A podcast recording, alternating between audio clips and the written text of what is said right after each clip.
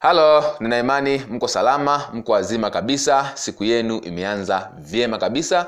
Uh, katika siku ya leo nataka nishee na wewe mbinu moja muhimu sana ya kuuza bidhaa ama huduma. In fact ni mbinu ya kufunga mauzo. Kwa hiyo ni mbinu ambayo ukiitumia itakusaidia kujiongezea uwezekano wa kuweza kuuza bidhaa ama huduma pindi unapoongea na mteja wako ana kwa ana ama kwenye simu. Haijalishi ni kwenye simu ana kwa ana kwa njia ya message chochote kile lazima utumie mbinu hii na itakusaidia sana wewe kuweza kujiongezea nafasi ya kuweza kuuza bidhaa ama huduma. Kwa sasa hivi wateja wanakutana na matangazo mengi sana usiku na mchana. Kwa hiyo bidhaa muhimu sasa hivi sio ile unayoiuza ila bidhaa muhimu sasa hivi ni attention ya mteja. Jinsi ya kupata attention ya mteja wako akusikilize juu ya bidhaa ama huduma yako. Na tunavyojua kwamba sasa hivi uh, attention span ya mteja ni sekunde nane. Yaani uwezekano wa kuteka attention ya mteja wako ili akusikilize ni sekunde nane tu mpaka nne. Kwa hiyo kuanzia sekunde nne mpaka nane in fact zinapungua. Zilikuwa ni nane zimekuwa saba zinakuwa nne. Kwa hiyo zinapungua. Kwa hiyo unatakiwa uposition uh, mbinu yako mapema ili uweze kupata attention ya mteja wako pale unapouza bidhaa ama huduma. Swali ni je utumie mbinu gani ili uweze kupata attention ya mteja wako kwa asilimia mia moja?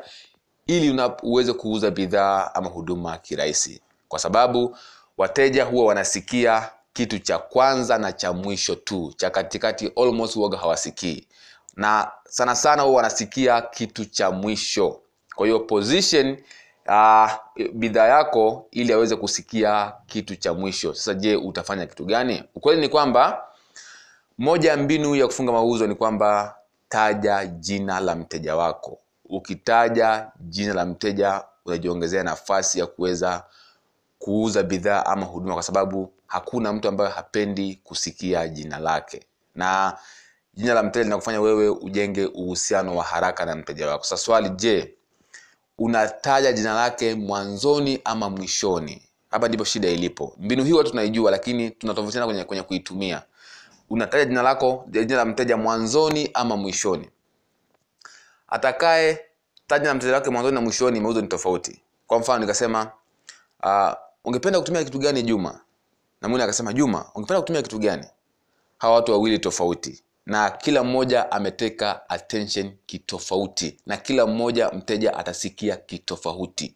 Kuna mmoja amesema jina la mteja wake mwanzoni mwingine amesema mwishoni ungependa kufanya kitu gani juma? Juma ungependa kufanya kitu gani? You see hizi ni sentensi mbili tofauti. Na katika kuuza utumie sentensi gani ili uweze kupata attention ya mteja wako kwa asilimia mia moja. Siri ni kwamba taja jina la mteja wako kwanza. Kwa sababu ukitaja jina unapata attention yake kabla hujasema kile ambacho nataka kumwambia kwa hiyo amesikia jina kwanza then anakupa attention ndio umwambie unataka kumwambia kitu gani. Lakini ukitaja jina mwishoni maneno maneno uliyomwambia hapa katikati hatasikia atasikia jina lake mwishoni tu. Kwa hiyo utakuwa anaweza akakupa kipingamizi ambacho alikuwa atakiwa akupe. You see? Kwa hiyo kabla hujaanza kuongea na mteja wako kuhusu bidhaa ama huduma yako taja jina lake kwanza.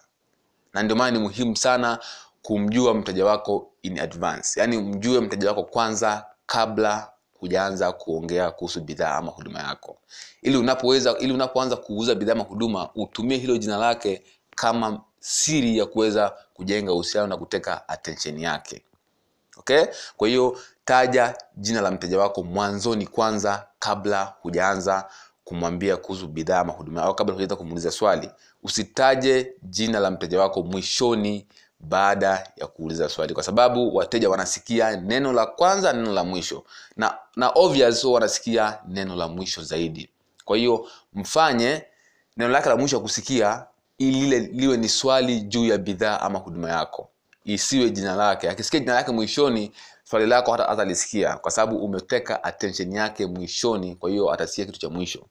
Ndio tunasema hivi kama una chaguo mbili chaguo a na chaguo b then unataka mteja achague chaguo b hakikisha hilo chaguo unaweka mwishoni. Kwa mfano ungependa kuchukua chaguo b uh, chaguo a ama chaguo b you see umeweka chaguo b mwishoni kwa sababu mteja anasikia neno la mwisho. Kwa hiyo hakikisha kitu ambacho unataka mteja akisikie kiwe cha mwisho kukitaja. Lengo la kutaja jina la mteja wako mwanzoni ni kupata attention kwanza kabla hujaanza kumwambia kitu unachoenda kumwambia. Kwa mfano ukisema john you see anakusikiliza. Unapata attention yake. Then unamwambia ungependa ku, ku, ku, kuwekeza lini kwenye bidhaa hii? You see umeshapata attention yake then unamuuliza swali ambalo uta- uta- utamfanya achague. Lakini ukisema ungependa ku- ku- kuwekeza lini john?